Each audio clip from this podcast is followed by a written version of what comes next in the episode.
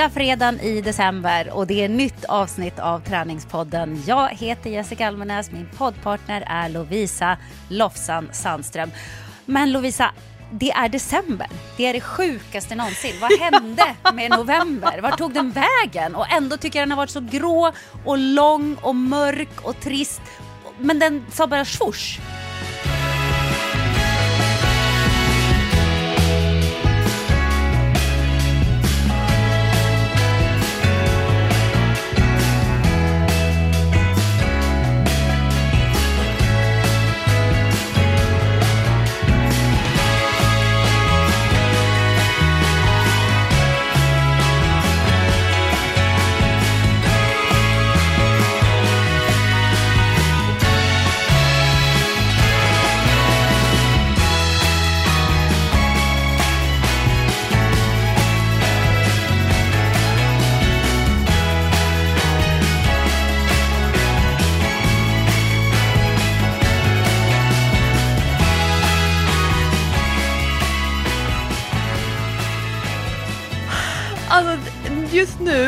Är så vitt ute. Det bara faller ner snö. Jag är helt chockad. Men har du fått någon julkänsla ännu? För att jag, har ju, jag följer en del människor på, på Instagram som redan har julpyntat, skaffat gran, börjar liksom eh, med, med julbak och grejer. Och jag känner att jag är inte alls där. Jag har inte alls hunnit eh, dit i år. Nej, alltså jag kör, eh, jag har noll fokus på julkänslan. Jag är bara besatt av snöläget i Lofsdalen, i Orsa, alla längdspår. När får vi börja åka längdskidor vi stockholmare? Där är min besatthet. Men jag tror att det kanske är lite samma approach som den här julpyntshetsen. Eh, ja, ja, kanske är någonting sånt. Och jag känner att jag började skriva över saker i min nya kalender igår. För du vet att jag måste ju ha en papperskalender. Och jag älskar liksom att det får mig att känna mig så otroligt organiserad. Så att jag har börjat skriva över nu, det har skrivit i min gamla kalender, du vet då kan man bara skriva på de här små, man har liksom hela året bara på två sidor. Du vet, så ja. små, små rader. Ja, så där har jag skrivit in massa grejer. Så jag har flyttat över det nu till min nya kalender och den är proppfull redan. Så jag tror kanske inte förutom den här hösten har jag nog aldrig haft en så proppad säsong som, som det kommer att vara nästa vår fram till augusti efter OS. Så att det är riktigt fullt, men ändå så är det någonting i mig som bara så här, vill åka längdskidor och vill åka slalom. Och nu börjar jag tänka så här, jag har ju aldrig haft en bättre chans att eh, åka ett Vasalopp till exempel förberedd eftersom jag nu känner Johan Olsson. Som ju du, han är ju med i det här Team Santander du vet som vi har pratat mm. om och coachar dem. Och jag tänkte så fan jag skulle kunna fråga Johan om han kan ge mig en liten lektion i att åka skidor. Så här är ju chansen. Och vänta ett år, då, då är det för länge sedan Superstars. Liksom. Då kommer det vara lite pinigt att ringa honom ändå. Bara, Johan, hej, kommer du ihåg mig? Vi var på Cypern ihop. Men i år skulle jag ju kunna, så att jag, jag förstår verkligen ditt sug, för att jag är baske mig också sugen.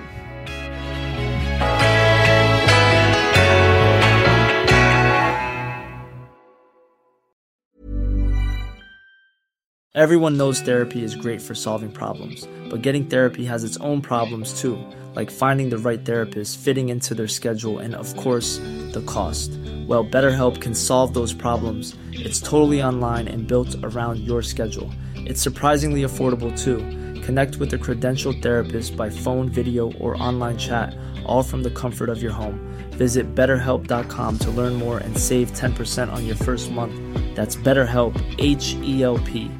Life is full of awesome what ifs, and some not so much, like unexpected medical costs. That's why United Healthcare provides Health Protector Guard fixed indemnity insurance plans to supplement your primary plan and help manage out of pocket costs. Learn more at uh1.com.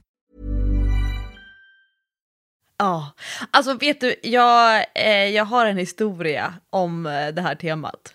Berätta. Det kommer, det, jag måste göra en lång historia kort, men samtidigt så kommer folk tro att folk kommer oh, tro att jag har tappat tråden. De kommer, okay. Eh, eller tappat tråden, att jag har tappat sinnet. Ja, jaha, eh, okay. jag, jag, börjar i Göteborg förra ja. veckan. Jag ja. var ju där och eh, skulle föreläsa på motivationsdagen. Nej men gud, hur gick det med din stand-up show? De Gick det bra? ja, de skrattade jättemycket. Det var Kul! jättebra. Kul, och La. Lasse Kronér som var konferencier, han var så himla bra. Eh, och han och jag snackade en hel del innan. Och eh, det är så roligt, för det här har jag ju pratat om förut, att eh, folk vill ju gärna prata med mig om träning, om sina kroppar, eh, deras erfarenheter, vad ska jag göra nu Lovisa? Och så får jag köra lite så här snabb behovsanalys och ge lite tips. Eh, Ja. Men då brukar det vara så här normala exempel. Typ, jag fick ont i knät när jag skulle träna inför milen. Eh, nu vill jag springa milen igen, hur ska jag göra för att inte få ont i knät? Den är lite mer normal. Ja. Nej, då kommer Lasse Kronér. Ja Lovisa, du är så här var det, jag var med i ett tv-program och då skulle vi vara på en öde ö och vi fick äta en sån här pytte, pytte liten, liten fiskbit varje dag. Ja. Vad, hette, vad heter det tv-programmet? Eh, The Island. The Island. Och han sa, berättade då att han hade tränat som tusan inför att han skulle åka på den här resan. Eh, han hade ätit upp sig, han var så sjukt bra form. Och sen så åkte han dit, kroppen bara... Fluff, fluff, fluff, fluff, fluff, fluff, fluff. Alltså han blev så smal. Och sen så upplevde han när han kom hem så här att kroppen, förbränningen, musklerna, allting var bara helt rubbat. Så han ville veta liksom hur han skulle träna nu för att hitta någon form av normal nivå.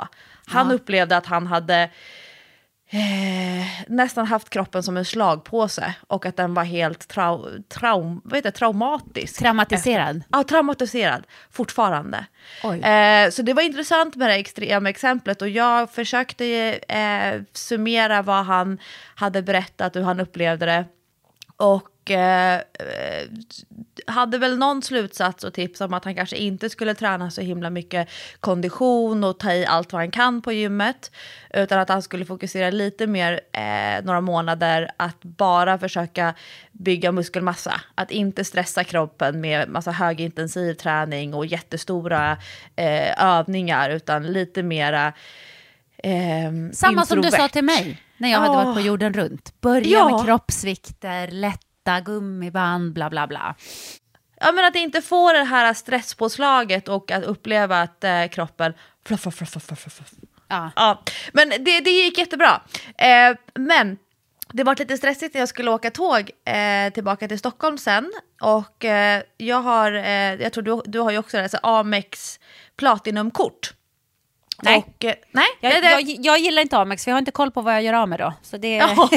det passar mig inte. Du, du har en poäng, för nu ska du få höra. Men då finns det någonting som heter Lounge on the go. Så då kan man gå in på Espresso House eh, på den tågstationen, typ Göteborg då. Och sen så eh, kan man hämta en lunch, eller man kan hämta en frukost eller en middag. Och så kan man ta med sig det och eh, käka på tåget. Och då bara blippar man sitt kort och så liksom det ingår i kortavgiften. Och eh, då eh, hann jag inte det. Så jag gick direkt på tåget och så satt det bara kurra i magen, tre timmar till Stockholm. Men så var jag sen och tänkte så här, men jag skulle kunna göra ett försök. Jag är ändå liten och gullig och väldigt trevlig och artig, så jag skulle kunna göra ett försök att gå in på Espresso House eh, på Centralen i Stockholm och säga som det är helt enkelt. Lägga korten på bordet. Och eh, jag så här stånkade mig fram bland alla stockholmare och turister eh, när jag klev av tåget. Och då började jag liksom känna att det gick över från kurr i magen till så här, lite mer åt hangry-hållet. Mm. Oj då, oj då. Mm. Och så stod jag i kö och så kom jag fram och så förklarade mitt ärende. Eh, och då var det en eh, kille, han bara, nej men det är min första dag här, jag, kan, jag har ingen aning, jag måste fråga en kollega. Och de sa, ja ja, men bara du kan visa en tågbiljett och så får du scanna här och sådär. Och numera så behöver man ju inte ha en tågbiljett tillgänglig, man sätter sig bara på sin plats. Visar, man visar ju aldrig en tågbiljett längre om man sitter på sin plats. Men du visar väl den på... Skannar de inte av den längre? Är det så länge sedan jag åkte tåg? Ja, De kommer inte att scanna på din mobiltelefon? Nej, sitter du på din plats så behöver du inte visa en biljett. Va? Vilket innebar att jag bara, herregud min biljett, var har jag den någonstans? Leta, leta, leta. Och då gick jag ju liksom och ställde mig sist i kön, eh, hittade tågbiljetten till slut. Eh, och jag hade en jättefin föreläsarbukett. Eh, och eh, det var så här, min stora ryggsäck, så jag höll på och så här krånglade eh, när jag skulle leta den. Och sen kom jag fram igen, så, oh, jag hittade biljetten. Och så, ah, då får du ta fram eh, Amex-appen så ska du scanna här. Och det var någonting nytt, det brukar jag inte göra. Och bara Amex-appen öppnade upp den. Och sen så bara, första jag ser, minus 38 000 kronor, en dragning, Thai Airways International. Och jag bara, nu har jag blivit skammad! Nej! Jag har blivit bedragen! Alltså jag fick sån stresspåslag. Hjärtat bara dunsade så hårt. Jag blev typ lite illamående och den här hangry, den gick ju över till så här äh, kaos. Så jag bara, okej hörni, eh, vi skiter i det här, jag skjuter ut mig. Man Oj. måste lösa det här. Så började jag gå ner till tunnelbanan, försökte ringa till Amex och så varje gång jag kom så här till ett lä- läge där jag skulle förklara mitt ärende så att vi kan koppla dig till rätt, då skulle jag så här, eh, kundservice, bedrägeri och varje gång så här tunnelbaneutropen, Nej, gröna nej, nej. linjen mot Hässelby strand och Amex eh, eh, datorrösten bara, jag har svårt att förstå vad du menar. Vill Åh, du nej. knappa in ditt ärende? Jag bara, nej, jag vill bara prata med någon! Gud. Ser, ja, så, och jag åh, känner det, jag hade blivit Åh. galen. åh, jag blev så, och sen till slut äntligen kom jag fram. En ung tjej, typ Rebecka, 25 år gammal, svarar.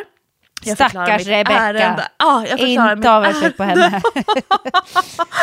Och bara, eh, det har dragits pengar för en flyg, flygbiljett, eller Thai Airways har dragit pengar. Jag har inte köpt någon flygbiljett, jag ska inte ut och resa.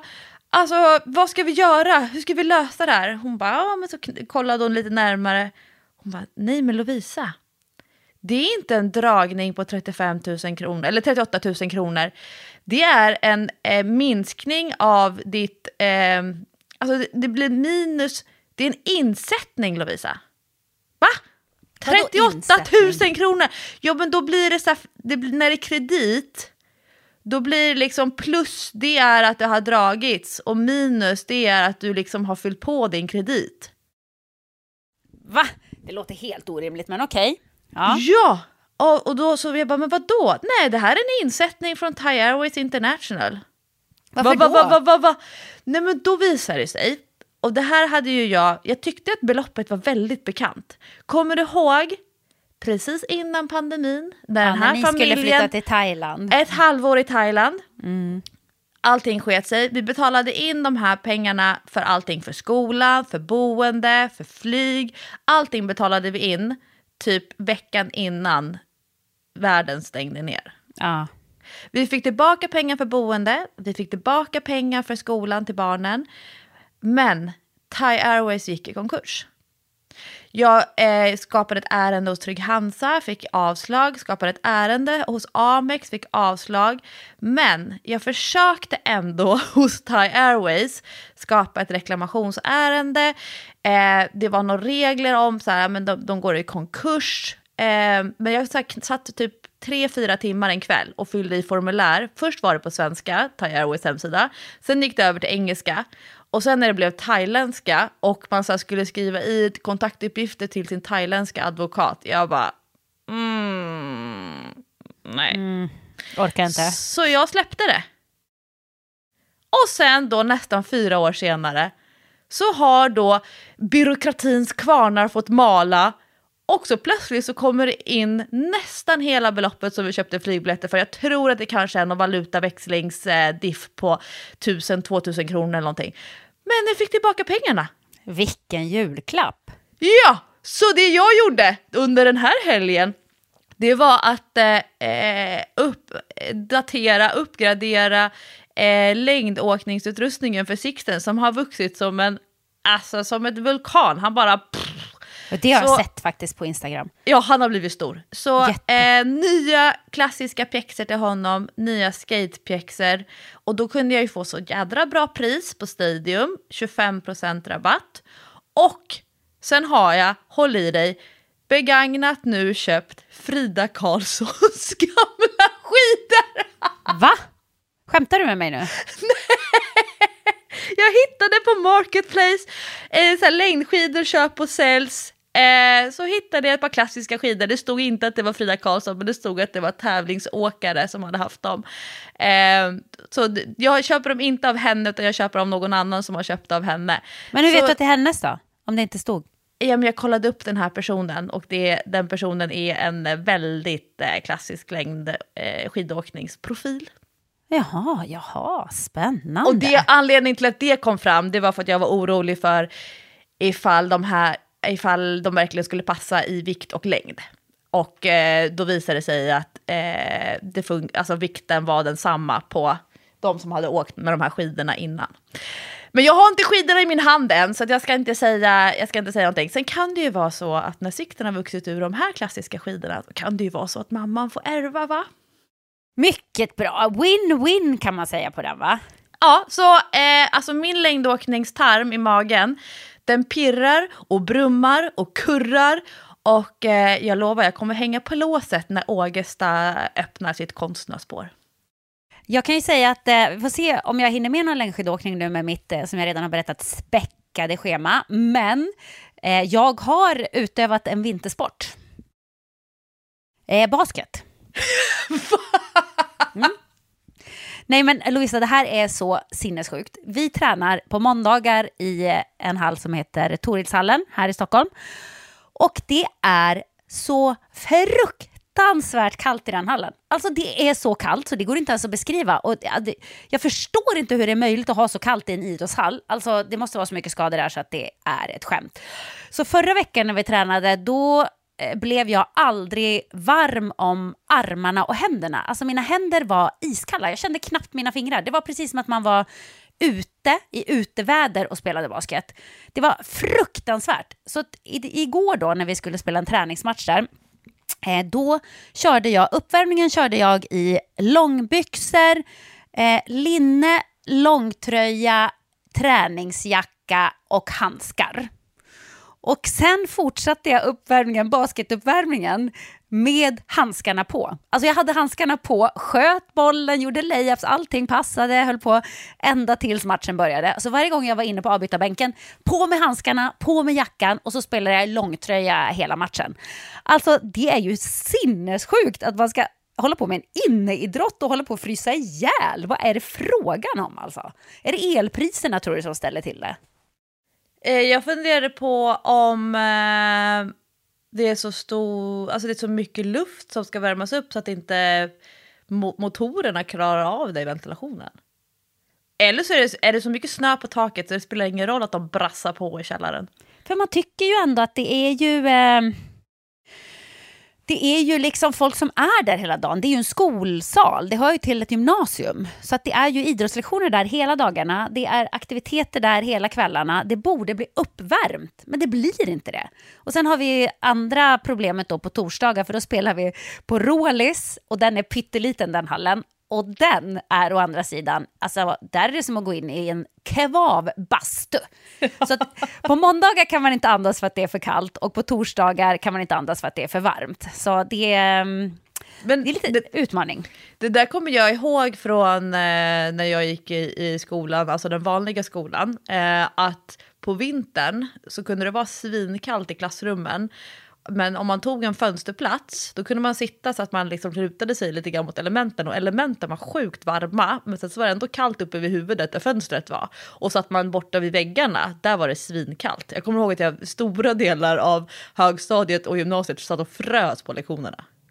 Nej, men det är fruktansvärt. Och ska det vara så här nu, nu när elpriserna är så höga så det känns som alla bara skruvar ner elen, Eh, även på sådana här eh, offentliga ställen. Och det, det är inte mysigt. Usch och fy. Och apropå andning, Lovisa, så har jag en annan nyhet till dig.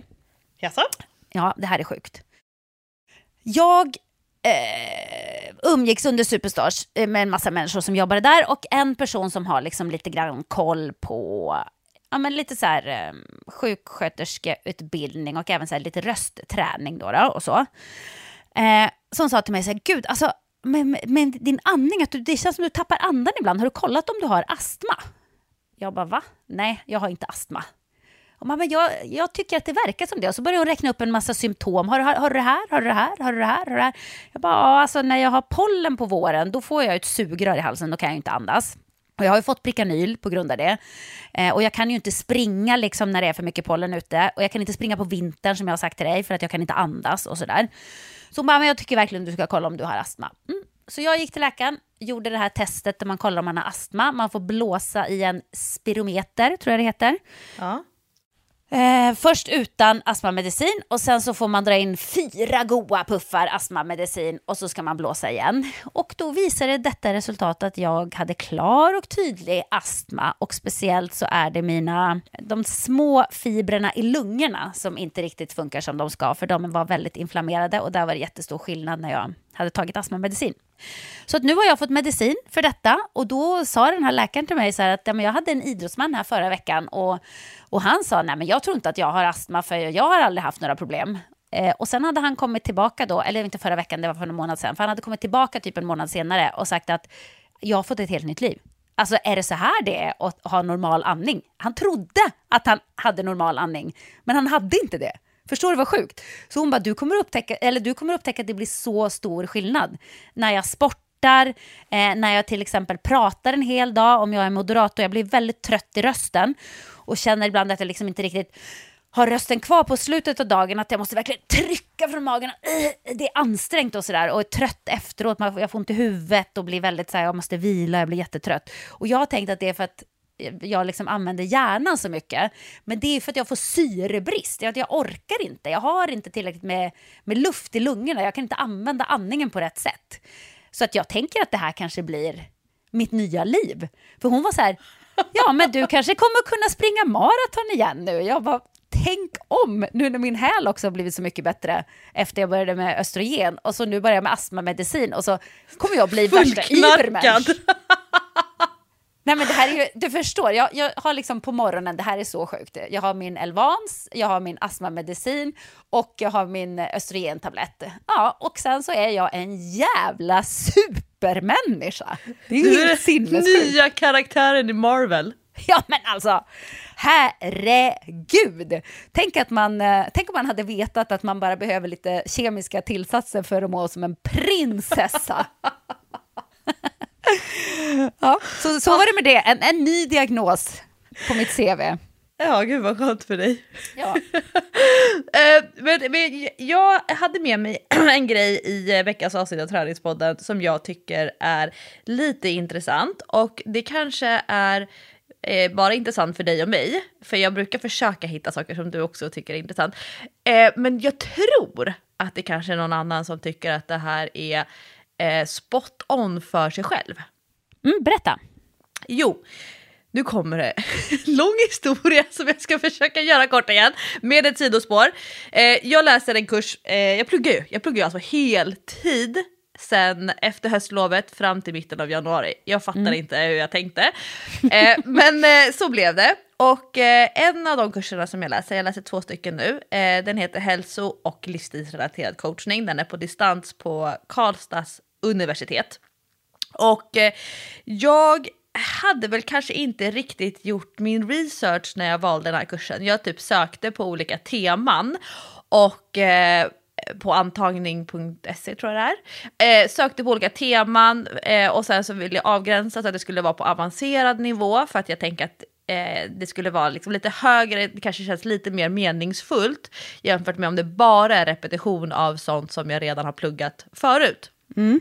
Och då var, hittade jag den här kursen och jag trodde nog, nej inte nog, jag trodde och tänkte att det här är en kurs som eh, handlar om eh, Visst, absolut, hur man kan jobba med hälso och livsstilsrelaterad coachning. Men jag tänkte att det skulle vara mycket mer fokus på vad. Alltså Eh, de senaste rönen kring olika typer av kostinterventioner, eh, om man ska hjälpa människor eh, med att lägga om sin livsstil, vad är bäst att fokusera på? Är det att lägga om maten eller att sova mer? Hur mycket fysisk aktivitet behöver man egentligen? Alltså jag tro, tänkte att det skulle vara mer tillämpat på själva ämnena som människor vill förändra beteende kring, snarare än hur samtalet kring förändringarna går till. Ja. Så, och då visar det sig när jag så här, efter första lektionen, eh, det är tre timmar i veckan på Zoom, då så här, eh, då inser jag så här, ah, alltså nu, jag tror nog att jag har missuppfattat den här kursen.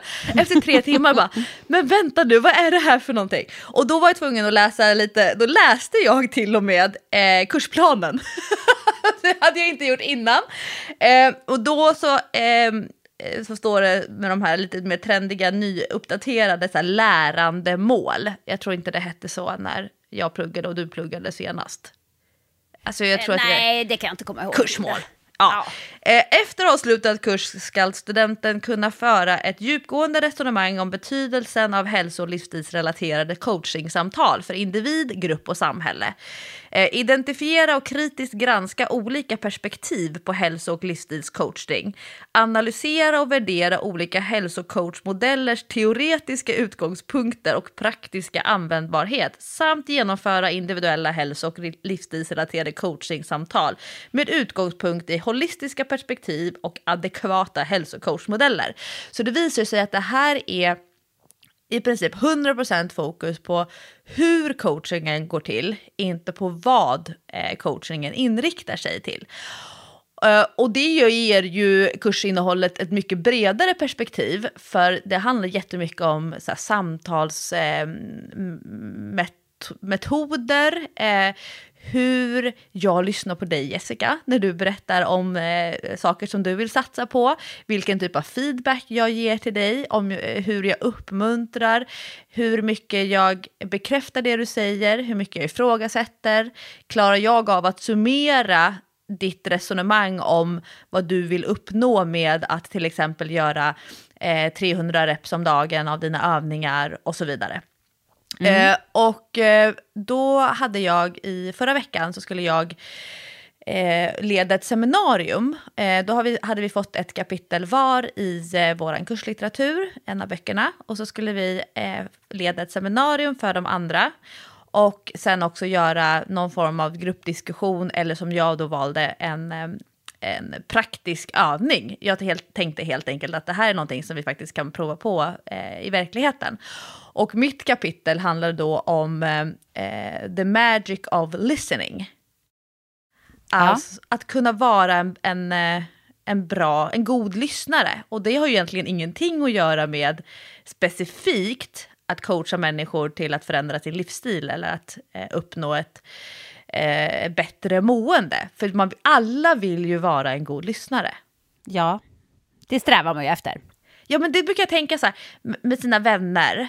Alltså vilka är det som man tycker mest om att umgås med? Det är ju de som är goda lyssnare jämfört med de som bara håller låda själva. Verkligen.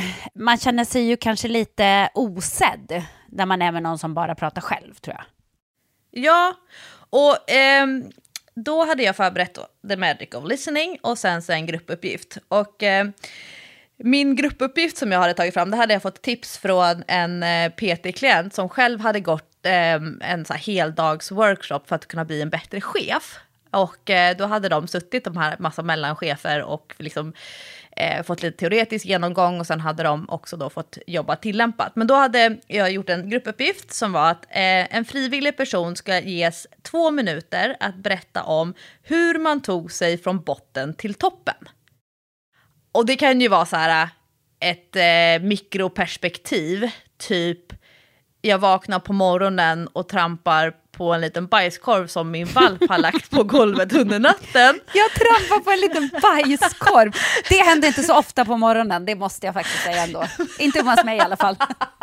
Men då är, då är man ju verkligen på botten. Och ja. hur man tar sig till toppen, det är liksom, okej, okay, men eh, första timmen på jobbet och man bara får till det så sjukt bra träningspass med en PT-kund. Det skulle kunna vara liksom ett mikroperspektiv från botten till toppen. Men sen så kan man ju titta på liksom, makroperspektivet livet. Eh, hur man eh, skadade knät till att så här, jag kunde faktiskt springa mitt maraton. Och det kanske tar tre år. Och så ska ja. man liksom lyckas då summera det här till två minuter. Och eh, vilket vi då, alla ni som lyssnar på Träningspodden har insett att jag har ganska så svårt att hålla mig till det lilla. När vi kommer till slutet av historien då har vi glömt bort var vi började. Lite så. Det är exakt det som det här temat är. Alltså att kunna berätta om eh, något eh, och hålla tråden. Men då, vi andra då som eh, skulle sitta och lyssna, vi skulle då använda oss av aktivt lyssnande och då handlar det om att man ska lyssna paralingvistiskt, vilket innebär till exempel att man lyssnar efter melodier i talet, man eh, läser av talhastigheten, om personen gör långa avbrott och sådana delar. Om man pratar, lång, eh, pratar tyst eller väldigt högt, om man pratar i staccato eller om har väldigt stort flyt i sitt tal. Eh, och sen så skulle några stycken identifiera vilka känslor den här personen berättar om. Några skulle läsa av kroppsspråket. Några skulle vara in, eh, fundera över hur tiden disponeras och det här ska komma, det här är min grundpoäng. Och några skulle försöka reflektera berättelsen och några skulle summera den här berättelsen. Och det jag skulle komma till då, det var det här med hur tiden disponeras. Och det här är ett, ett hyfsat nytt perspektiv som jag inte har haft kanske så synligt framför mig innan. Det är väl klart att jag inte har varit helt omedveten om det, men nu blev det så tydligt.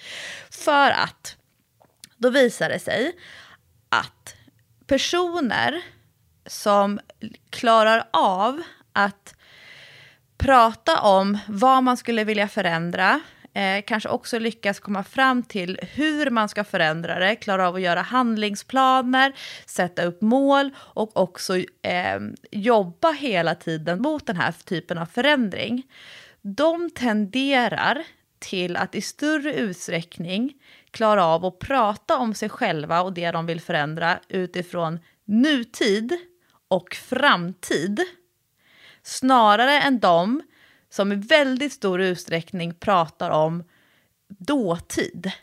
Alltså att man fastnar i det som har varit jämfört med att ha ett perspektiv på just nu, idag och framåt. Och det här tyckte jag var ett intressant perspektiv på tid och hur folk, eh, gud vad hemskt att säga folk, men hur människor eh, tenderar att fastna i beteenden, både ur ett positivt, positivt perspektiv och negativt perspektiv, på det som har varit förut. Och klarar inte av att prata om det som ska göras nu. Och som ett exempel då, det är ju när man kommer till mig med en frågeställning, ett syfte, någonting som man vill förändra. Och vi diskuterar kring det och sen så kommer vi fram till vad som är rimligt att göra idag. Och personen eh, svarar med ett... Eh, svarar på ett sätt så att ja, men det har jag redan provat förut och det gick inte då. Versus att ja, ah, vad intressant, jag har erfarenhet av det, jag har provat det förut. Men å andra sidan, då hade jag ju inte X, Y, Z eh, tillgångar, alltså att det är någonting som faktiskt skulle kunna eh, tala för att det kommer funka den här gången. Vad tänker du kring Jessica, eh, Jessica kring det här med hur mycket man väljer att prata och fokusera och tänka på det som har varit dåtid versus nutid och framtid? Men tänker du liksom i ett träningsperspektiv eller tänker du livet eller, eller vad tänker du liksom? Uh, i, om vi skulle avgränsa till den här kursen, då handlar det om, om uh, hälsa och livsstil. Och i livsstilen, då ingår det ju allt ifrån att gå och lägga sig i tid på kvällen till att etablera en träningsrutin på kanske tre gånger i veckan. Det kan man ju välja lite grann vad man vill. Men du tänker att man liksom fastnar i eh, sitt gamla och, och tänker att det inte går att göra någonting annat än det? Eh, man kan fastna i det gamla, man kan fortfarande tro på att det går att förändra framåt, men man, man lägger väldigt mycket av sin hjärnkapacitet på det som har varit. Gud, vad intressant Lovisa, för att jag skulle säga att när det gäller livet generellt eh, så är nog jag väldigt mycket så här, du vet jag är väldigt nostalgisk, Eh, jag älskar att liksom grotta mig in i det som har varit, bli lite ledsen över att det är borta. Eh, alltså lite grann som Sam kom till mig häromdagen och grät och så eh, frågade jag vad är det Sam? Jag saknar den här dagen när jag spelade Roblox med Ester. Och han var så ledsen och då försökte jag trösta och säga så här, men vet du vad, ni kommer ju att spela igen. Så, men ja, men den dagen var så rolig. Uh. Kunde han liksom inte tänka sig att det någonsin skulle kunna bli så kul igen som när han spelade Roblox med Ester. Oh. Eh, och, och där kan ju jag vara lite grann. Jag kan ju ofta fastna i det här att gud, det var bättre förr och tänkte här och att, att det känns mer det som var förr än det som är nu och det som kommer framåt. Det är nog det bästa sättet att förklara på. Det känns mer i min kropp. Jag kan liksom plocka fram en känsla hur det var, men jag har väldigt svårt att känna var är jag just nu? Vad känner jag? Hur mår jag? Vad tycker jag? Det, det har jag mycket svårare för. Liksom. Jag behöver perspektivet för att kunna avgöra vad det var som jag egentligen kände. Eh, men just när det gäller hälsa och träning så är jag ju tvärtom. Du vet, jag har ju så mycket planer och idéer och tankar om vad jag vill göra, hur jag vill optimera. Eh, så otroligt sugen på att läsa på nya rön och testa och absolut inte fastna i något gammalt som har varit, utan hela tiden tänka att vad kan jag göra framåt? Och det var intressant, för det har jag inte insett förrän nu när du började prata om det här, att jag har faktiskt helt olika perspektiv på de två områdena, om man säger. Mm. Och, och det, det, det, det var intressant, för det här har jag gått runt och tänkt på då, på dig utifrån det här perspektivet. Hur... Tänk att du tänker så mycket på mig. Va? Ja, ja. Du, du är mitt, alltid mitt case. ja. Nej, men, måste, fortsätt. Ja, men, och jag, för, jag, för jag tänker på det här med att ha en, som du då har, din analoga kalender. Mm. D- där du sitter och skriver framåt i tiden. Och ja. sen så undrar jag, sitter du också och fyller i i efterhand i kalendern vad du har gjort? I, eller skriver du bara framåt i kalendern? Förut så eh, skrev jag, förut använde jag min kalender lite grann som en dagbok. Då kunde jag liksom skriva korta noteringar. Men det är som att så fort det har så fort det har hänt så blir det liksom ointressant för mig på något sätt, men ändå inte. Det är jättesvårt att förklara, men nej, jag går inte tillbaka och skriver bakåt, utan där skriver jag framåt. Tycker om känslan av att jag har kontroll på vad som händer framåt, men när det handlar om mitt känsloliv så tittar jag nästan bara bakåt. Om du oh. fattar. Så eh, skillnad mellan handling och eh, det emotionella, då blir ja. det handling framåt, emotionellt bakåt. Ja, jag skulle säga det. Men hur tänker du då? Var är du liksom på fram och bak? Alltså för, för mig så kan det handla så mycket om hur jag mår generellt. Mm. Och det är väl också min erfarenhet av eh, att coacha människor eh, på så sätt att det, det är ju en varningssignal tycker jag, med människor som inte drömmer framåt. Som har väldigt svårt att visuellt måla upp en framtid. Eller en framtidsbild. Jag menar inte en framtid som är att det är 20 år av äktenskap och barn och karriär. Utan att visuellt kunna framställa eller framkalla bilder eller scener av någonting som ska hända. Eh, och jag menar inte att de är helt tomma, eller att jag är helt tom. Men jag, jag min insikt i är i att om jag inte kan drömma eller visualisera framtid eller ens det lilla mikroperspektivet liksom kommande dagarna, då är det så här, oh Lovisa, nu måste du nog stanna upp och känna efter. Och jag tänker på det kring träningsdagbok till exempel. Mm. Uh, att uh, träningsdagbok handlar ju väldigt mycket om att um, strukturera dåtid. Alltså att vi skriver i efterhand vad vi har gjort bakåt i tiden. Och sen handlar det ju om vad, vad gör vi med de här träningsdagböckerna? För det kan ju finnas ett jättekortsiktigt perspektiv i att faktiskt skriva ner vad du har gjort för att sätta på pränt, wow vad jag har gjort. Så. Och att mm. inte bara gå vidare direkt till det som är nutid nu eller framtid imorgon. Eh, men samtidigt så kan ju de här träningsdagböckerna bli för mycket fokus Alltså det som är, har varit bakåt i tiden blir en för stor, nästan som ett hinder i framåt i tiden.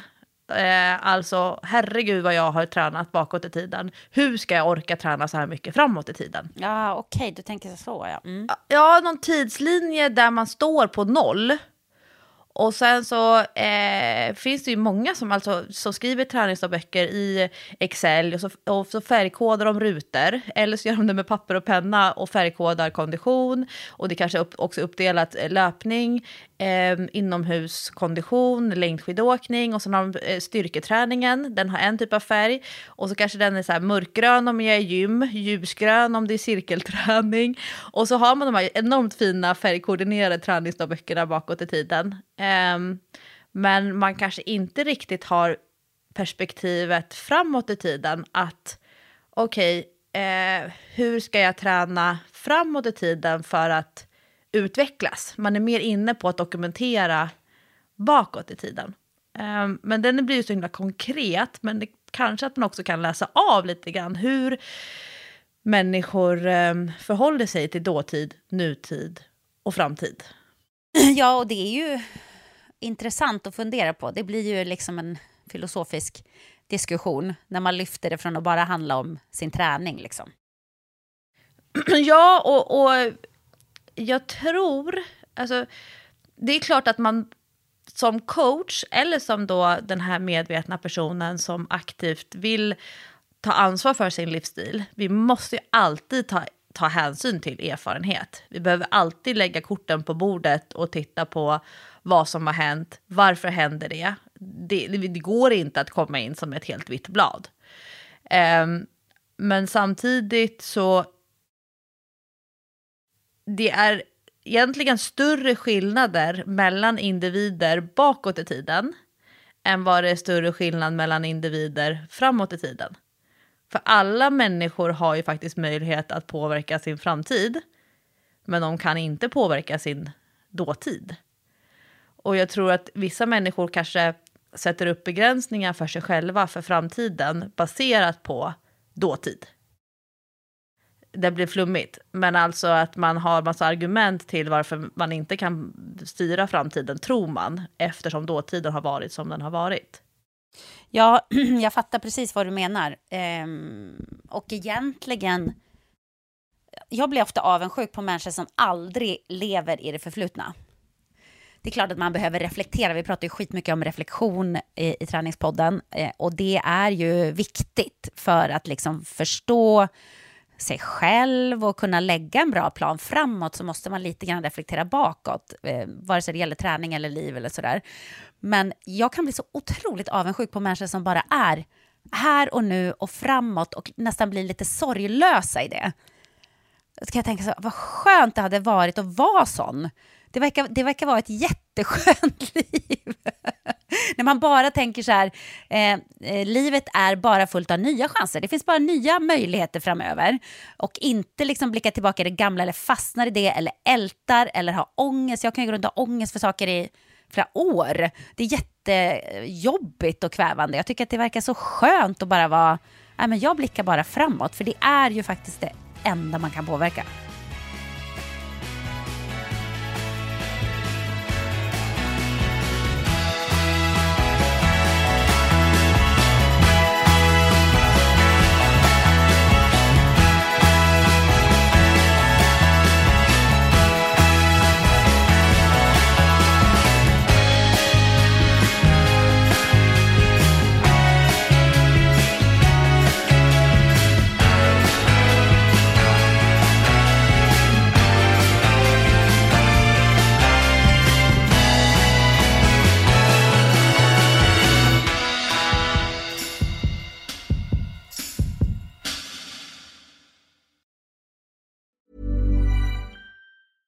Life is full of awesome what ifs, and some not so much, like unexpected medical costs. That's why United Healthcare provides Health Protector Guard fixed indemnity insurance plans to supplement your primary plan and help manage out of pocket costs. Learn more at uh1.com. Cool fact a crocodile can't stick out its tongue. Also, you can get health insurance for a month or just under a year in some states. United Healthcare short term insurance plans, underwritten by Golden Rule Insurance Company, offer flexible, budget friendly coverage for you. Learn more at uh1.com. Vi är även denna vecka sponsrade av Rusta och det passar perfekt för det är ju full vår ute nu. Man kan vara ute utan att ha dunjackor och tio lager kläder, det gillar man. Äntligen, äntligen! Varje vår tycker i alla fall jag att det känns som att det är ett helt nytt liv som börjar. Jag kan sitta ute, jag tycker om att känna solen värmer ansiktet. Och för mig är det liksom, det, det är ett njut. Älskar att vara ute. Och Rusta, det är vårens bästa vän för de har allt för det här nya livet, utomhuslivet. Ja, precis. Vi har ju tidigare berättat att Rusta har ett brett sortiment av i princip allt som du behöver till din uteplats. Och jag har eh, snackat mig varm om solcellsbelysning. Det tycker jag är kanon. Du var inne på ljusslingor och krukor, Lovisa. Men oavsett vad man behöver så får man mycket för pengarna hos Rusta när man ska förvandla och förnya sin uteplats. Hur är det hos dig Jessica? Har du några favoriter när du ska piffa upp er utomhusmiljö? Ja, men det har jag faktiskt. Jag gillar att det känns lite loungeigt. Så jag brukar ju satsa på att köpa någon ny utomhusmatta. För att de är väldigt prisvärda hos Rusta. Så det tycker jag är en stor favorit. Ska jag säga vad jag är sugen på? Berätta. Jag tycker ju att det är bra att ha kuddar som man inte behöver ta in. Det står absolut på min lista för den här våren. Ja. Ja. Det ska vara lätt att ta sig ut. Kuddarna ska bara ligga där, redo att ta emot den. Ja, man älskar sånt som man inte behöver plocka ut och in. Och då säger nog jag att grejer till utegymmet, alltså vi pratar hantlar, kettlebells, foam roller, sådana saker är också för mig vår, att vara ute, det är låg tröskel till att träna och så kan man liksom ta in och ta ut. Och Rusta har riktigt bra hemmaträningsgrejer. Och jag tänker så här, ja, men man sitter och hänger där i sina kuddar och så kan man träna. Och så kan man hänga och träna. För alla våra lyssnare så är ju träning en viktig del av utomhusmiljön, det vet jag. Vi uppmuntrar och uppmanar våra lyssnare att njuta av utomhuslivet och kolla gärna in Rusta när ni vill uppgradera er utemiljö. Kolla in rusta.com, men framförallt besök ett Rusta varuhus och få inspiration till ditt nya uteliv. Vi säger tack till Rusta! Stort Vi skulle ju göra en eh, övning när jag var på den här yogaresan i Indien. Då var det en process, och det, det är väl också en, en hel del av det man ska träna på i den här kursen som jag går, att man ska våga låta processen ta tid. Eh, som coach i mitt jobb, då kan det ju vara så att jag har en timme med en person. Det är en, eh, ett rådgivningstillfälle, personen kommer till mig och sen på en timme så ska vi gå igenom alla processer. Kartläggning, eh, sätta mål, göra handlingsplan och börja jobba. Och det är liksom 59 minuter för sen är det nästa kund som ska komma. Ehm, och, men tittar man på hur liksom beteendeförändring faktiskt fungerar, då handlar det om ett mycket längre perspektiv. Och då var det här en process när vi var i Indien, där, som tog flera dagar. Och då handlar det väldigt mycket så här om att grotta ner i det som har varit, det som har varit dåligt, identifiera och kartlägga det, formulera det. Och sen så skulle man skriva ner eh, saker som man då ville lägga bakom sig på en lapp. Och sen så skulle man knögla ihop den här lappen efter, eh, jag tror att det typ var efter en dag. Jag kommer inte ihåg exakt tidsperspektiv. Men sen så var det en brasa på en kväll. Och så skulle man då kasta in den här lappen i elden och så skulle den brinna bort.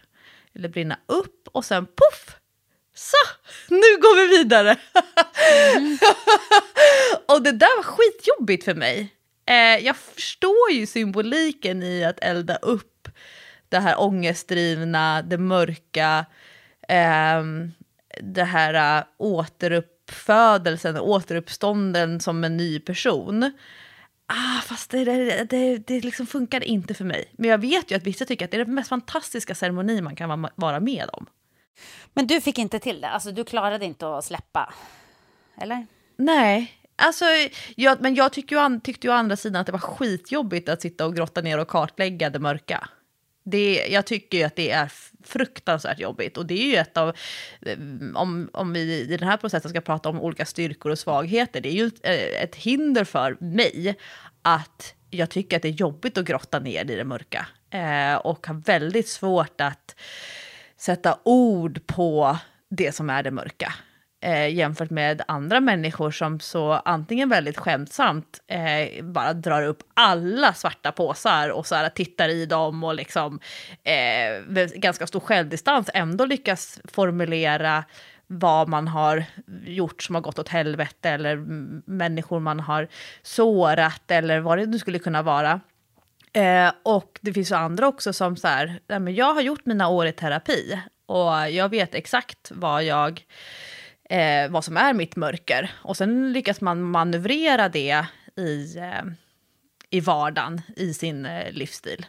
Men eh, jag, det, där är, det är väl det här som är att det är så himla komplext med dåtid, nutid och framtid. Mm. Men känner du att du skulle eh, behöva göra dina år i terapi? Alltså jag har ju tagit tag i vissa saker och eh, eh, liksom eh, grottat ner och eh, kanske varit mer eller mindre ofrivilligt. Jag tror det handlar om att, att ständigt försöka utvecklas. Eh, jag tänkte på det när vi pratade förra veckan om den här artikeln som handlade om att känna lycka. Mm. Och då så var ju en poäng, det var det här med att, att eh, vilja utvecklas. Att det är viktigt med eh, utveckling för människors eh, känsla av lycka. Och eh, jag tror att det liksom handlar mycket om sammanhang. Alltså att när jag läser den här kursen i min yrkesroll, då kan jag se på saker på ett mycket bättre och mer tillämpat sätt för mig än om jag som individ i en grupp ska göra en eh, bonfire-ceremoni. Ehm, jag, behöver nog det lite mer teoretiska och ehm, sammanhanget från eh, ja, men teorin snarare än att gräva ner mig och ligga på eh, yogagolv och gråta. Det, den funkar inte på mig på samma sätt som kanske för andra. Vad tänker du? Men det blir att det kommer lite för nära för dig då? Um, det kan handla lite grann så här att, att eh, okej, okay, tisdag klockan 17, då ska jag ligga på yogamattan på, i en yogastudio och så ska jag vara mottaglig för eh, input och släppa taget. Och just en, en eh, tisdag klockan 17, då kanske det har varit så att den dagen har varit på ett visst sätt och jag har fått cykla i snömodden för att komma dit.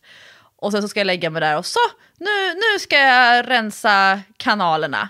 Eh, jämfört med att som då i det här fallet när jag försöker lära mig om, om coachning och om beteendeförändringar, för det är väl det många av oss vill förändra beteenden. Och att då låta det ta tre, fyra månader, Eh, det är nog mer min grej, men samtidigt så ställer det större krav på att orka hålla i och dokumentera och självreflektion.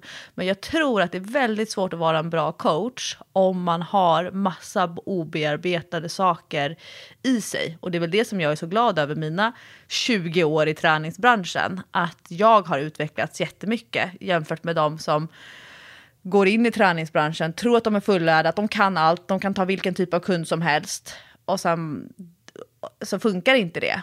Och då är de inte, eh, har inte viljan eller kanske känslan av att de behöver utvecklas för att kunna jobba i träningsbranschen som ju är en, liksom, det är ju en sjukt eh, märklig bransch, alltså träning och hälsa. Det är ju jättekonstigt att vi är tusentals människor som, som jobbar med det här, som har det som vårt yrke, om man ser till ja, men, bara så 30 år sedan.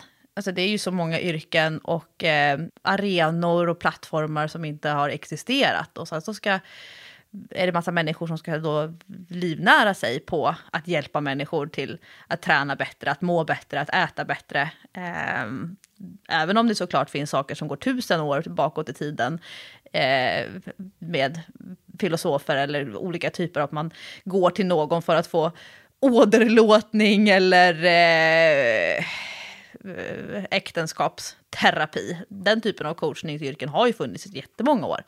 Men just där träningsbranschen är idag, ah, det är ju svårt. Alltså, mycket handlar ju om, om att vara en, en hyfsat bra människa med, med ganska stor empatisk förmåga.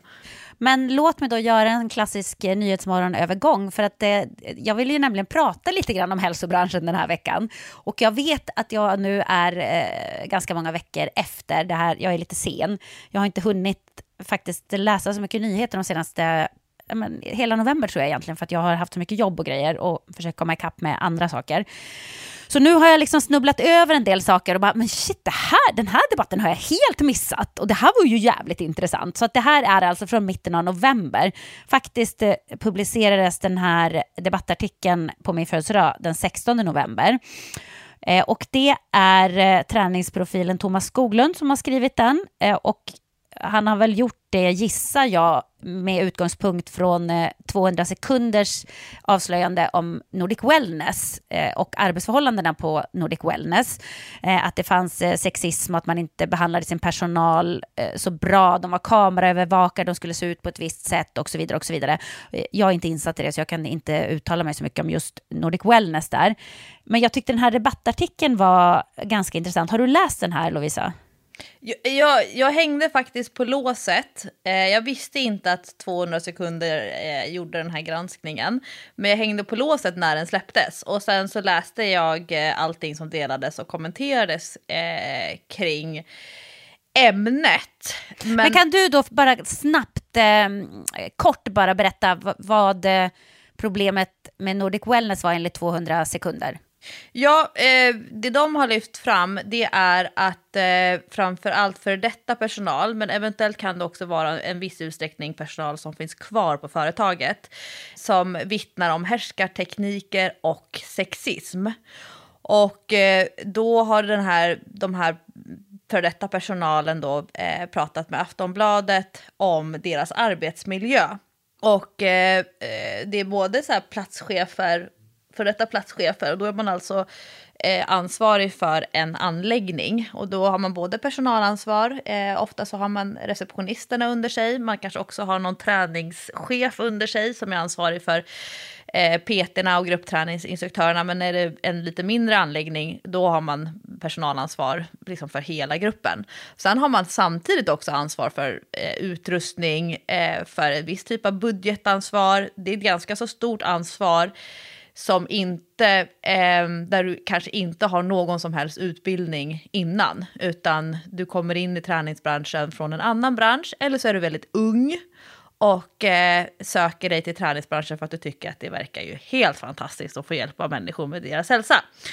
Och eh, de här missförhållandena som eh, då 200 sekunder tar fram, eh, det är 29 anställda i olika städer som vittnar om offentliga utskällningar utan grund, sexism och personangrepp. Och eh, det handlar mycket om att eh, man ska upp, att personalen uppfattar det som att de ska se ut på ett visst sätt. Eh, det var en eh, den här platschefen fick uppdrag att eh, sparka en receptionist för att hon hade varit för tjock, eh, vittnar den här personen om. Eh, och problemet också då med kameraövervakning som i sin tur inte får användas för att an övervaka anställda eh, Eh, Nordic Wellness själva, vdn som jag förstod det, eh, säger att kameraövervakningen är till för att trygga personalens eh, säkerhet. För att du är ganska utsatt om du är en väldigt stor lokal och du kanske är den enda anställda på plats.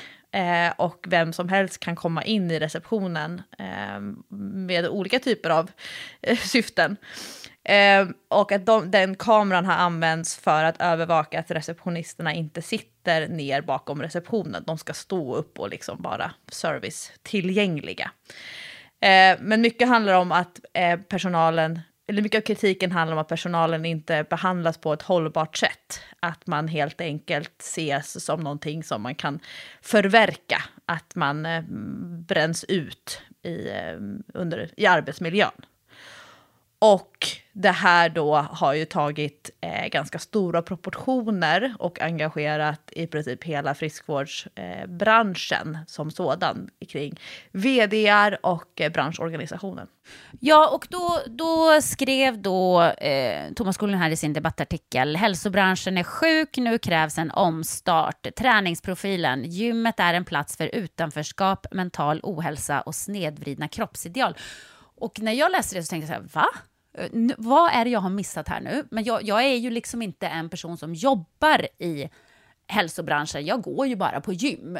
Eh, och i alla fall på mitt gym så upplever jag inte att det är så. Eh, men, eh, men eh, som sagt, det är, det är ju mitt eget vittnesmål. Men sen fortsätter det lite grann här, ska vi se. Att gymmet då är en plats med utanförskap, mental ohälsa, snedvridna kroppsideal och utnyttjad ung arbetskraft. Eh, sjukdomsförloppet som förgiftar hälso och träningsbranschen skiljer sig mot andra åkommor och virusinfektioner. Här finns ingen Clark Kent-epidemiolog som kan lugna, inga pressmeddelanden som kan varna eller bromsande insatser som kan mildra. Här, strax bakom skogränsens slut, finns bara två dörrar. Antingen anpassar du dig efter träningsindustrins normer, värderingar och elitistiska ideal, eller så säger du ja till en tillvaro fylld med brännande gliringar kring komposition, styrkekapacitet och arbetsmoral. En vattendelare som inte sällan skapar utanförskap i en bransch där receptionistens utseende, PTns fysik och gruppträningsinstruktörernas energi inte sällan trumfar tidigare erfarenhet och kompetens, formas och berörs vid anställd som medlem. Eh, och, och, då känner jag att det här kanske mest handlar om människor som arbetar i, i branschen. Men känner du igen dig i att det är så här? Ja, den här debattartikeln den kommer ju såklart baserat på som en reaktion från den här granskningen. Och eh, gran, eh, bara några timmar efter att granskningen hade publicerats, då hade antagligen, tar jag för givet, Aftonbladet kontaktat Thomas Skoglund, eh, Olga Rönnberg och jag tror att det var någon tredje person och bett om deras kommentarer eh, på det här. Och ingen av de tre jobbar eh, på en stor gymkedja. Och den här debattartikeln som då Thomas har skrivit, den tänker jag sveper med den stora kommersiella träningsbranschen, inte kanske då Nordic Wellness eh, specifikt.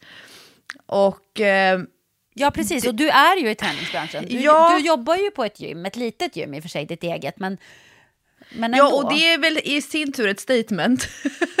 att, ja, inte, okay. mm. att inte vilja jobba på den stora gymkedjan. Däremot har jag gjort det i sjukt många år och jag är ju kund. Alltså jag köper ju tjänster av den stora gymkedjan.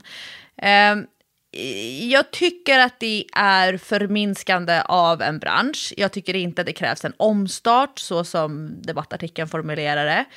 Eh, däremot så finns det ett problem i att personalen eh, i stor utsträckning inte har någon utbildning. Om vi tittar på den personal som kanske inte jobbar specifikt med att leda PT-pass eller leda gruppträningspass. Mm. Eh, sen är ju min...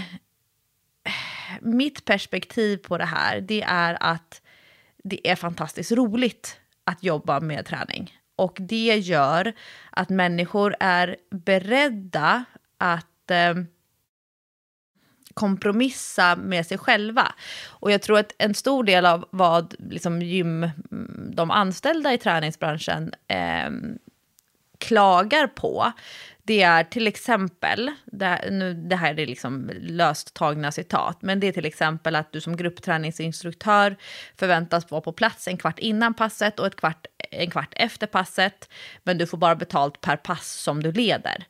Å andra sidan så är timpenningen för passet eh, högre än vad en person har som bara får betalt per timme. Alltså du, man kanske går in på, nu om jag gissar, en, en eh, 130 kronor i mindre städer eh, per gruppträningspass. Medan någon som har jobbat sjukt länge eh, med träning kanske kan få 600 kronor, 700 kronor för ett gruppträningspass. Eh, och det är per timme, men du kan inte hålla så många gruppträningspass på en dag. Det är ju det som är liksom grejen. Eh, det andra perspektivet, det är att det finns olika affärsmodeller för personlig träning. Eh, men den klassiska affärsmodellen för personlig träning, det är att medlemmarna köper ett paket av gymmet. Och om den, låt säga att den köper de här stora paketen 30 timmar, då får ju gymmet intäkten direkt. Sen får PTn betalt för varje genomförd timme som den har med en klient, den klienten, när den då kvitterar ut en timme, en timme, en timme. Problemet med det är att under ganska många år så kommer personliga tränare uppleva att de måste tillbringa mycket tid på gymmet som där, där de inte har möjlighet att kvittera ut en timme, en timme, en timme. Som alltså då är kopplad till att visa upp sig själva, att sälja in sig själva. Har de, lyckas de boka in en kund klockan åtta och en kund klockan tio, då får de inte betalt mellan nio och tio. Det blir Ah, liksom, okej. då bara sitter du och väntar eller tränar själv. Vilket betyder att en PT som inte är så duktig på försäljning, som kanske tror att den kliver in i träningsbranschen för att den ska jobba med träning, men missar hela försäljningsperspektivet. Eh, helt enkelt kan tillbringa 12 timmar på det stora gymmet, men den har kunnat kvittera ut fyra genomförda eller fem genomförda PT-timmar. Vilket ju förklarar då att det är inte rimligt för en person, låt säga att du har tre barn, eh, du bor utanför stan så du måste pendla, det är ju inte en hållbar arbetssituation. Eh, och det är ju liksom det stora interna snacket. Det är liksom hur man kan avlöna personliga tränare oba, eh, utan att ta perspektivet eller ta hänsyn till hur många timmar den har med kund utan liksom hur många timmar tillbringar den på gymmet. Men så, samtidigt så attraherar träningsbranschen människor som tycker att det är nice med träning. Så de går runt och hänger på gymmet och kanske inte är den som tycker att det är, jag, jag, jag tänker inte gå och städa toaletter, Nej, men jag vill inte rensa duschavloppen eller eh, torka bänkar, för det, man kan liksom inte identifiera sig själv med den typen av arbetsuppgifter på gymmet också. Men jag kommer ihåg, nu, nu blir det dåtid, men när jag och min, eh, min man träffades, eh, han blev så paff över hur människorna och arbetsgrupperna på gymmen där jag jobbade då, hur de var mot varandra. Han sa att Lovisa, det här beteendet och det här snacket, det här tugget, den här sexismen hade aldrig varit accepterad på en vanlig arbetsplats. Är det sant? Men Alltså- gud! Han blev så paff och jag som ju då har liksom vuxit upp i den här branschen, som har jobbat, hade jobbat då flera år, jag kunde inte se det förrän han så här specifikt började trycka på eh, citat eller saker som han hade hört eh, och liknande. Eh, så han gav mig ett perspektiv som jag inte hade i mig där och då. Å andra sidan, jag och mina kompisar när vi hade liksom jobbat ett och ett halvt, två år eh, på gym, vi kunde ju så här skämtsamt säga så här, att det var som en sekt. Att eh, man hade inga kompisar utanför gymmet, utan man hängde bara med de som man jobbade med. Eh, hade man jobbat klart klockan fyra, då var man ändå kvar på gymmet till klockan sju. Alltså det var... Och, Fast å andra sidan, det är klart att man kan sluta. Definitionen av en sekt är väl att det är väldigt svårt att ta sig ur och det är det ju inte. Men jag läste repliken då från friskvårdsföretagen som då är liksom träningsbranschens branschorganisation. Eh, och de, deras eh, rubrik som då säkert Aftonbladet har valt, eh, du sprider fördomar om träningsbranschen. Replik från friskvårdsföretagen om kritiken mot kulturen på gymmen. Och eh, de tycker då det som jag kanske håller med om, att det var svepande och överdrivet. Och, Eh, Att vad var det? 200 sekunder eller Thomas Skoglunds artikel eller vad är det de vänder sig mot där? Eh, de tycker att Thomas Skoglunds inlägg, debattinlägg, Ah, mm, mm, är svepande och överdrivet. Och eh, de, eh, de tar med, och det här är ju alltid liksom det intressanta, liksom att ta med lite, lite forskning. Eh, mer än 20 procent av svenskarna går regelbundet på en träningsanläggning jämfört med det europeiska snittet på 8 procent. Och antalet gym och träningsanläggningar har också växt på senare år. Friskvårdsföretagen, då, den här branschorganisationen, de har idag ett 50-tal medlemmar som driver över tusen anläggningar runt om i landet. Och det är väl det som är så här, perspektivet man behöver ta, tänker jag, att det finns alltid rötägg i alla organisationer. Alltså vilken bransch du än tittar på så kommer det alltid finnas folk som är jävligt knepiga och knasiga. Men de eh, pratar om sitt e-, eget och arbetsgivaransvar. Och att de vill att de ska ha kollektivavtal. Och de vill att det ska finnas certifierade PT-utbildningar. Alltså att du helt enkelt inte ska kunna gå vilken PT-utbildning som helst och sen söka jobb som PT Eh, utan att det ska finnas vissa utbildningar som är godkända för att ja, har du gått den här utbildningen, då får du jobba. Eh, men de tycker att eh, när, när Skoglund kallar hela branschen sjuk eh, så, jag, och med mängder av floskler och fördomar eh, så han beskriver branschen som full av vidrigheter och osund kultur. Och deras replik då, vore det sant skulle ingen överhuvudtaget vilja arbeta hos oss. Sen kan givetvis enskilda arbetsgivare missköta sig, vilket är helt oacceptabelt. Det har dock ingenting med branschen att göra. Dåligt ledarskap kan tyvärr förekomma i alla slags företag och branscher. Våra medarbetare gör fantastiska insatser och bidrar till att människor får möjlighet att må bättre. Ibland även till att förändra deras liv. I ett läge när ungas hälsa försämras och psykiska besvär drabbar allt fler är fysisk aktivitet kanske det bästa botemedlet som finns. Därför ska vi uppmuntra fler till träning och fysisk aktivitet, inte kasta anklagelser över en hel bransch. Och den här repliken då är signerad av ordförande i Almega Friskvårdsföretagen, vilket är branschföreningen för gym och friskvårdsföretag i Sverige, vd för Medley, vd för STC, vd för Actic, vd för Wellness Studio Sverige, vd för Form Gotland och Sverigechefen på Sats. Och jag tycker att det är ett eh, rimligt perspektiv.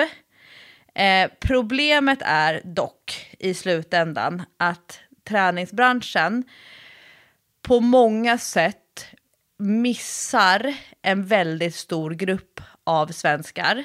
Om man tittar på vilka som tränar på gym, vilka som har möjlighet att lägga flera hundra kronor i månaden på träning, så är det inte den gruppen som vi ur ett folkhälsoperspektiv behöver nå. Det är ju redan en privilegierad målgrupp Ja. som köper tjänster av de här företagen som jag rabblade nu. Och det blir lite grann så här, okej, någon tycker att träningsbranschen är helt sjuk, eh, den behöver en omstart.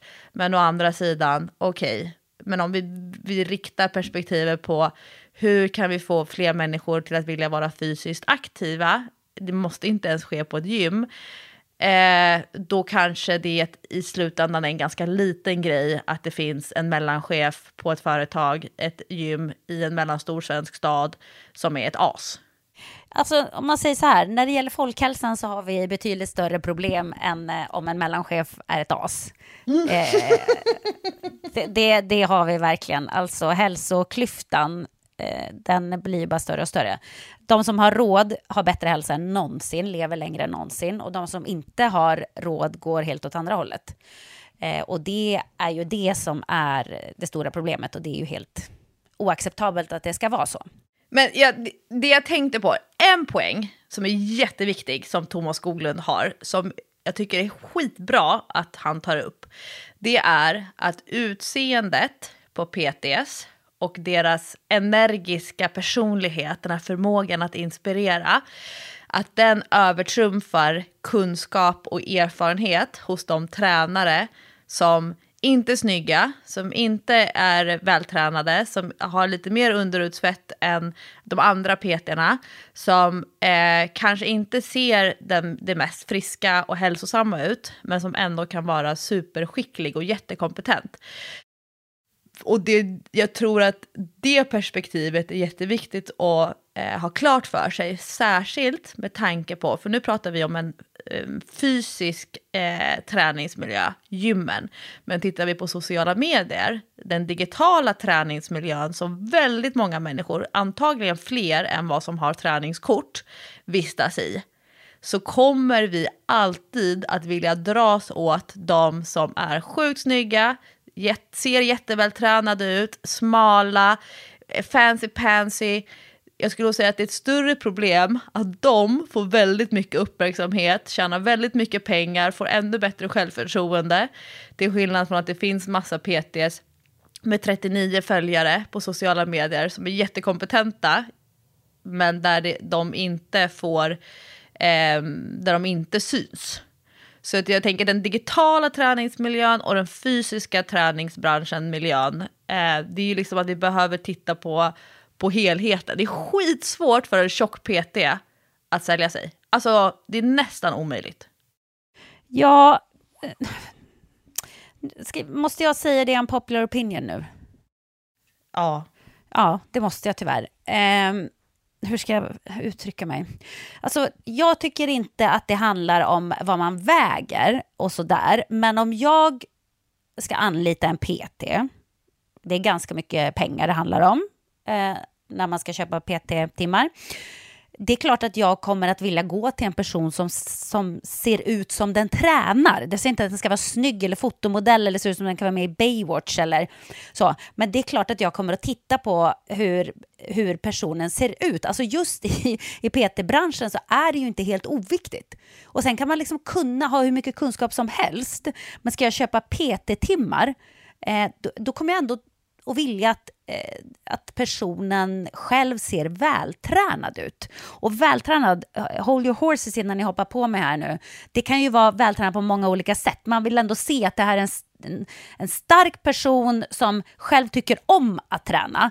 För att kan den liksom inte träna sin egen kropp, hur ska den då kunna träna min kropp? Förstår du vad jag menar? Mm. Och det där resonemanget har jag fört så många gånger. Och, och så här Eh, och jag kommer ihåg att det var typ en av de första dagarna när jag gick PT-utbildning, 2004 kanske? 2000, ja, 2004.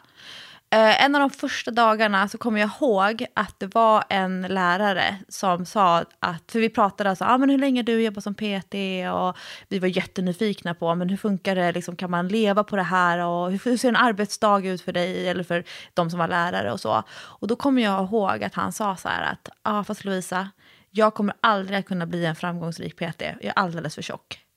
Hmm. Eh, och han var fantastisk lärare, han var skitduktig och jätte... Eh, så, men, men ja, han tyckte själv att han var för tjock.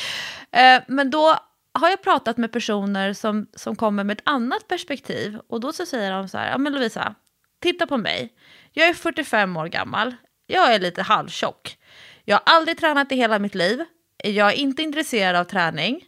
Men jag har insett mitt behov. Hur tror du då att jag känner när det är en PT som är sinnessjukt vältränad, som har tränat hela sitt liv, som väger och, sin mat, som är liksom så duktig på träning, men när den har en sån här kropp. Så här välträn den här vältränade personen är inte inspirerande för mig. Det jag vill ha, det är någon som har varit där jag är. Någon som har gått genom ett helt vuxet liv utan träningsintresse. Någon som fattar att träning är ett nödvändigt ont, det är så liksom den här personen ser det. Eh, det är mycket mer inspirerande för mig än någon som är liksom 17% underhudsfett och rippade magmuskler. Och det var ju också så här, då tänkte jag så här, ah, vad intressant. Då behövs det ju olika typer av utseende på PTS um, ehm, så att man förstår uh, att, man, att människor attraheras och inspireras av olika saker. Dock, då, kommer, då har jag liksom ett annat resonemang. Tänk vad många PTS som har då bytt till träningsbranschen senare i livet och har varit den här otränade personen överviktig så lägger man ut, så här såg jag ut, jag, var, jag hade högt blodtryck, jag vägde 30 kilo för mycket, jag jobbade alldeles för mycket, jag åt för onyttigt. Och så visar man, och så här ser jag ut nu, köp mina tjänster. Att man har mm. lyckats liksom. Men då visar man ju också att det var dåligt, allt annat som var innan. Och det finns ju ingen person som vill komma till en PT som säger att 20 år, så som du ser ut, det är dåligt. Så det har jag också sett ut. Det var, jag var jättemissnöjd med mig själv. Och då känner personen kanske då att ah, jag borde vara missnöjd med mig själv. Fast man kanske inte alls är det. Eh, så då blir det liksom ett, ytterligare en vända i någon form av paradox. Ja, eh, det var bra att du gav mig det andra perspektivet, för det är svårt att se ibland någon annans perspektiv än ens eget. Eh, och jag fattar absolut den grejen. Eh, men för mig då som är väldigt intresserad av träning och liksom tycker att det är roligt och eh, beredd att investera, liksom, för mig är det inget nödvändigt ont att träna, eh, så skulle jag nog helst gå till en PT som liksom har samma utgångspunkt. Jag skulle inte vilja gå till en PT som egentligen hatar att träna, men som eh, har fattat att det är nödvändigt. Nej, och jag, jag leker otippat ofta, apropå mörker, jag leker otippat ofta med tanken på att ja, men, tänk om jag skulle få en ämnesomsättningssjukdom. Mhm. Och Jag gud, sku- Jaha, Ja. Går du runt och tänker på det? Ja, men så tänker jag, ja, och så går jag upp 20 kilo. Och jag kan ju fortfarande lika mycket om träning. Jag eh, är fortfarande kanske samma fantastiskt sprudlande, energiska, motiverande, inspirerande träningsperson. eh, men jag ser helt annorlunda ut. Kommer det då innebära att folk i mindre utsträckning är intresserade av att lyssna på vad jag har att säga? eh, som tycker att de träningsövningarna som jag ger, de träningsuppläggen jag ger, eh, är sämre än om jag skulle fortsätta se ut som jag gör idag. Å andra sidan så kan ju det då attrahera en person eller en grupp som så här, åh, gud vad skönt med någon som har varit jättevältränad och sen hamnat i en situation där man inte kan påverka och nu ser ut så här. Den personen, det är inspirerande för mig. Eftersom kanske ganska många människor upplever att de inte kan påverka sin situation. Och jag önskar att jag hade varit, eh, att jag inte hade haft den här ämnesomsättningssjukdomen eller att jag hade gått upp så mycket i vikt under klimakteriet eller under graviditet. Um, och, och jag tror att eh, känner man till personen sen innan, som jag då som liksom ändå tillhör en av den där gruppen med de mest kända tränarna i Sverige, då kommer jag kunna komma undan med det för att folk vet vem och hur jag har varit. Men samtidigt så tror jag att det är betydligt svårare att till exempel, som jag så tycker är så, jag tycker det är så fruktansvärt intressant och spännande och givande att besöka företag och föreläsa för stora personalgrupper. Om man tittar på motivationsdagen. Jag tror att jag skulle ha jättesvårt att få den typen av uppdrag, att åka ut och vara inspirerande för stora grupper, om jag inte såg ut som den här vältränade, klämkäcka eh, personen. Um, och det där är ju väldigt orättvist. Och jag tänker så här att i de här mellanstora och de små svenska städerna, jag skulle ju vilja att de peterna som kämpar i motvind, som har sin lilla källarlokal, eh, där de försöker driva PT-verksamhet, att de blir mer uppmärksammade lokalt, att de faktiskt eh, får den cred som jag tycker då att de förtjänar jämfört med att det alltid är eh, de som är eh, mest kända som är de som får möjlighet att bli ännu mer kända och än, ännu mer uppmärksammade. Nu skjuter jag mig själv lite grann i foten. Men om då Thomas Skoglund i det här fallet, om man vill höja statusen på träningsbranschen och personalen som jobbar där, då kan det inte vara samma personer som hela tiden eh, kommenterar och de som syns i tidningar som är träningsexperterna som intervjuas om de bästa träningsövningarna, eh, bästa dieterna och så vidare. Då måste vi sprida ut eh, fokuset på fler olika typer av PTs. Det tycker jag faktiskt var en bra poäng och jag ska revidera mig själv lite grann. Eh, för jag kom på nu när vi sitter och pratar att det handlar ju inte så mycket för mig ändå om utseendet, men det handlar om att man märker att här finns ett brinn för träning. Och sen vill ju inte alla se ut på samma sätt eller har inte samma förutsättningar att se ut på samma sätt, även om man nu är PT och brinner för träning. Men jag tror det där brinnet måste jag ha. Så att jag kan ju lugna dig med att även om, om eh, du eller Andreas, som vi har gått till båda två, du och jag, eller Mårten, så här, skulle liksom helt eh, eh, fallera kroppsligt och inte ha några muskler kvar och eh, vad som helst skulle hända. Jag skulle fortfarande lita på vad ni säger och, och gå till er som PTs. Så där handlar det kanske ganska mycket om vad man har för eh, bild av personen också sen innan, eller vad man liksom har lä- lärt sig att den här personen kan. Så jag reviderar mig lite, men jag skulle säga att det ändå inte är helt oviktigt. Och det, det, det, alltså så här är det ju i världen. Det,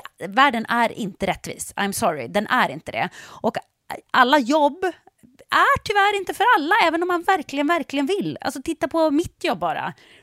Man, man måste ha någonting. Du kanske inte måste vara pangsnygg längre, det var man tvungen att vara förut i tv.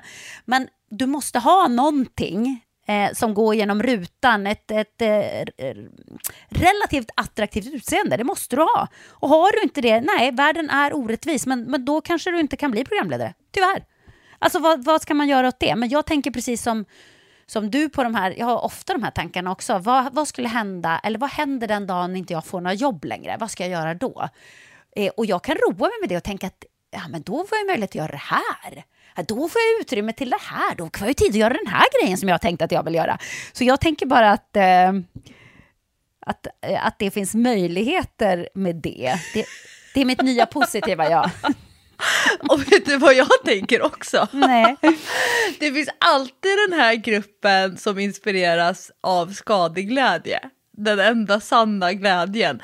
För, för det, det märkte ju både du och jag när jag skadade mina händer. Ja. Alltså, då folk bara yes, äntligen Lovisa nere på botten. det var, det var Ja, men här, att det blev lite fick- intressant då, att du Ja. plötsligt var liksom så långt ner man kan komma och mådde piss.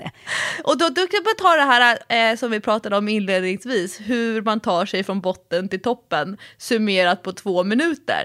Men också så här, låt säga att jag skulle få en ämnesomsättningssjukdom och så skulle jag liksom, jag kunna, vi kunna integrera det i Träningspodden. Folk skulle ty- tycka att det var jätteintressant med en offentlig träningsperson som Ja. sätter ord på hur det känns. Du skulle Att- bli större än någonsin, det kan jag bara säga. Bokstavligt talat också. Ja, nej, ja, men, ja, men du skulle verkligen, alltså jag tror det, på riktigt. För det finns ingenting som eh, folk går igång på så mycket som just den eh, typen av storyline. Liksom. Så det kanske allt handlar liksom om hur man vrider och vinklar det. Exakt. Ja, det, det här blev ett sidospår, men eh, summerat, det, eh, träningsbranschen är sjukt tuff eh, bransch att jobba i. Det är jätteroligt, det är jätteinspirerande, det är fantastiska människor som man får möta i alla de här medlemmarna. Eh, klienter som vill ta hjälp för att styra upp olika typer av beteenden och vanor och träning. Men det har ett pris och det kan jag säga att de senaste åren när jag då har lagt Alltså jag engagerar mig så fruktansvärt mycket i ideell idrott. Jag tror jag, jag räknade ut att jag har lagt ungefär 25 timmar i veckan i snitt över ett år på föreningsidrott. Det för mig är jätteviktigt att väga upp det ytliga, det kommersiella, eh, det, den delen av träningsbranschen som har ett pris för mig som person, så är det liksom att lägga min tid på det ideella arbetet med ungdomar, att utveckla mina ena, egna ledarskapsskills i den här ideella sektorn. Det är för mig eh, jätteviktigt eftersom jag planerar att jobba förhoppningsvis hela mitt yrkesverksamma liv i den här branschen. Ehm, så det är en viktig slutpoäng från min sida. Vad är din slutpoäng? Slutpoängen eh, från min sida, den landar ju ändå i det som vi pratade om precis. Och det är eh, att, att eh, livet är inte rättvist. Alltså människor idag tror att alla ska ha rätt till allting hela tiden, men det, det funkar inte så. Och det får bli min eh, lilla slutpoäng. Lite neggigare än din kanske, men skit i det. Ja, olika perspektiv. Mm. Främjar utveckling. Så är det, hörni. Och eh, december är här. Nu kör vi julen. Eh, hoppas ni har allt i ordning, eller det har ni väl inte ännu. Men eh, vi är tillbaka nästa vecka och snart börjar det väl bli dags för det årliga vinterlöparavsnittet känns det som. Jag har faktiskt fått frågor. Vad ska man ha på sig när man springer på vintern? Och det kanske vi kan eh, prata lite grann om. Ja, och jag såg eh, precis innan vi började podda så gjorde jag en snabb scroll på Instagram och då såg jag två killar som på riktigt cyklade på isen. Va? Ja, och då tänkte jag så här, det här är hardcore. Vad har de på sig? Vad har de för cyklar? Vad har de för skyddsutrustning? På riktigt så kör de istället för långfärdsskridskor, då körde de med sina cyklar. Så det här måste jag också göra research på. Okej, men var det, var det här killar eller var det de krisande 40 plus-männen du såg? Alltså jag tror att det var 40 plus. Men jag, Ja. måste, jag måste kolla upp. Tänkte då- väl det. Ja men för jag vill ju jag vill ju kunna cykla på vintern. Eh, men jag behöver inte cykla på en sjö som är frusen. Men jag undrar, hur cyklar man bra på vintern? Så då, jag måste göra lite research för det också. Spännande. Som ni hör, ni måste lyssna nästa vecka också. Och tack för att ni lyssnar. We love you. Every Puss och single kram. one of you. Puss och kram. Hej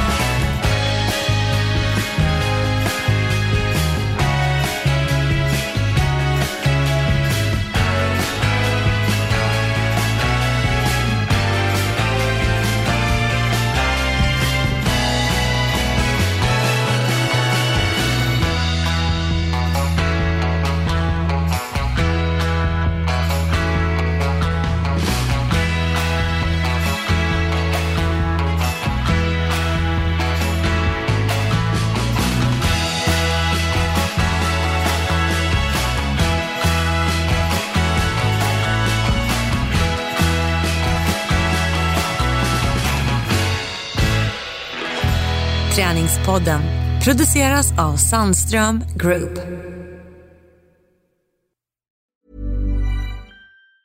Hi, I'm Daniel, founder of Pretty Litter. Did you know cats tend to hide symptoms of sickness and pain? I learned this the hard way after losing my cat, Gingy. So I created Pretty Litter, a health monitoring litter that helps detect early signs of illness by changing colors, saving you money and potentially your cat's life. Pretty Litter is veterinarian developed, and it's the easiest way to keep tabs on your fur baby's health right at home. Go to prettylitter.com and use code ACAST for 20% off your first order and a free cat toy. Terms and conditions apply. See site for details. Imagine the softest sheets you've ever felt. Now imagine them getting even softer over time. That's what you'll feel with Bowl and Branch's organic cotton sheets. In a recent customer survey, 96% replied that Bowl and Branch sheets get softer with every wash. Start getting your best night's sleep in these sheets that get softer and softer for years to come. Try their sheets with a 30-night guarantee. Plus, get 15% off your first order at bowlandbranch.com. Code BUTTERY. Exclusions apply. See site for details.